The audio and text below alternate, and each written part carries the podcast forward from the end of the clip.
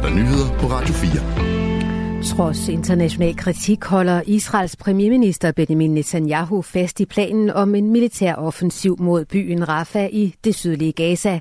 Det sagde Netanyahu i går til journalister i Jerusalem, skriver det, skriver nyhedsbyrået DPA. Han fremhævede, at Israel ikke har tænkt sig at bukke under for det internationale pres. Rafah er det sidste tilflugtssted for tusinder af internt fordrevne palæstinenser i det sydlige Gaza. Før krigen mellem Hamas og Israel boede der omkring 300.000 i Rafah. Nu vurderes det, at der opholder sig omkring 1,3 millioner mennesker i byen. Det har udløst advarsler og bekymring fra flere andre lande, også fra USA's præsident Joe Biden. Han mener, der skal være en ordentlig plan for, hvordan man sikrer de civile sikkerhed, før en militær operation kan gå i gang. Det vides ikke, hvornår Israel planlægger at iværksætte den militære offensiv i Rafah. Lige nu deltager Katar, USA og Ægypten i et forsøg på at male mellem Israel og den militante palæstinensiske Hamas-bevægelse.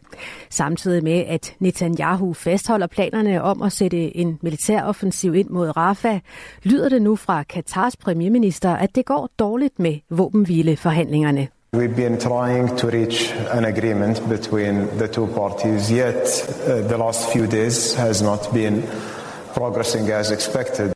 Vi har prøvet at nå en forståelse mellem de to parter, men de seneste dage er ikke gået som forventet. Sådan sagde Katars premierminister på den årlige sikkerhedskonference i München i går. Fra Netanyahu lyder det, at den fremtidige fredsaftale med palæstinenserne ikke kommer til at være dikteret af internationale aktører. Forhandlingerne har som sagt ikke været særlig lovende de seneste dage, sagde Katars premierminister altså i går. Den tyske våbenproducent Rheinmetall planlægger at bygge en ny fabrik i Ukraine. Virksomheden har sammen med en ukrainsk partnervirksomhed underskrevet en hensigtserklæring i forbindelse med den årlige sikkerhedskonference i München. Det skriver det tyske nyhedsbureau DPA.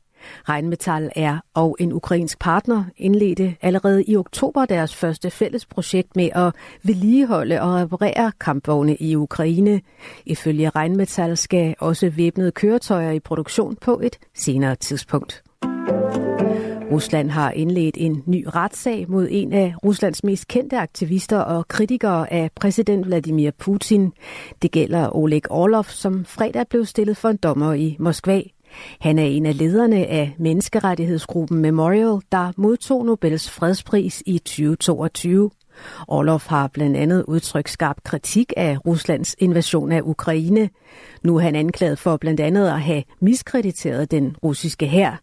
Den 70-årige menneskerettighedsforkæmper risikerer op til tre års fængsel.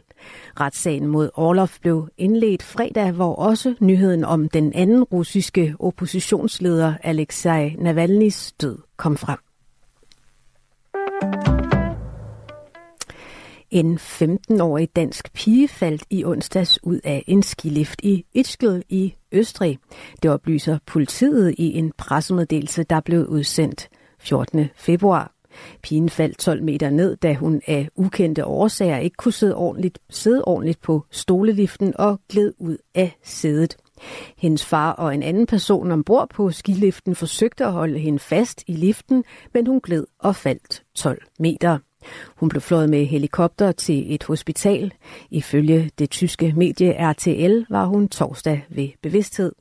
Det er ikke første gang i år, at danske børn er kommet til skade i en skilift.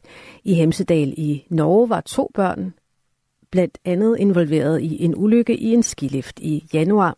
Det skriver DR. Og så til lidt mere mundtet vinterferie nyt. De gæster, der i går besøgte Aalborg Zoologiske Have, kunne se en girafkalv komme til verden. Det skriver TV2 Nord. Kalven er giraffen Carolines kalv nummer 12. Dyrepasserne ved endnu ikke, hvilket køn den nyfødte kalv har og lidt forskelligt om vejret. Vi begynder lige med en advarsel, for på Storebæltsbroen advares der imod blæst, der kan påvirke kørslen. Passage med påhængskøretøjer under 750 kilo er derfor forbudt. Det skriver Sund og Bælt på det sociale medie X. Forbuddet ventes at blive ophævet igen kl. 21. Der kommer regn og finregn fra vest. Det breder sig til det meste af landet, dog tørt på Bornholm. Temperaturer mellem 4 og 8 grader. Det var nyhederne.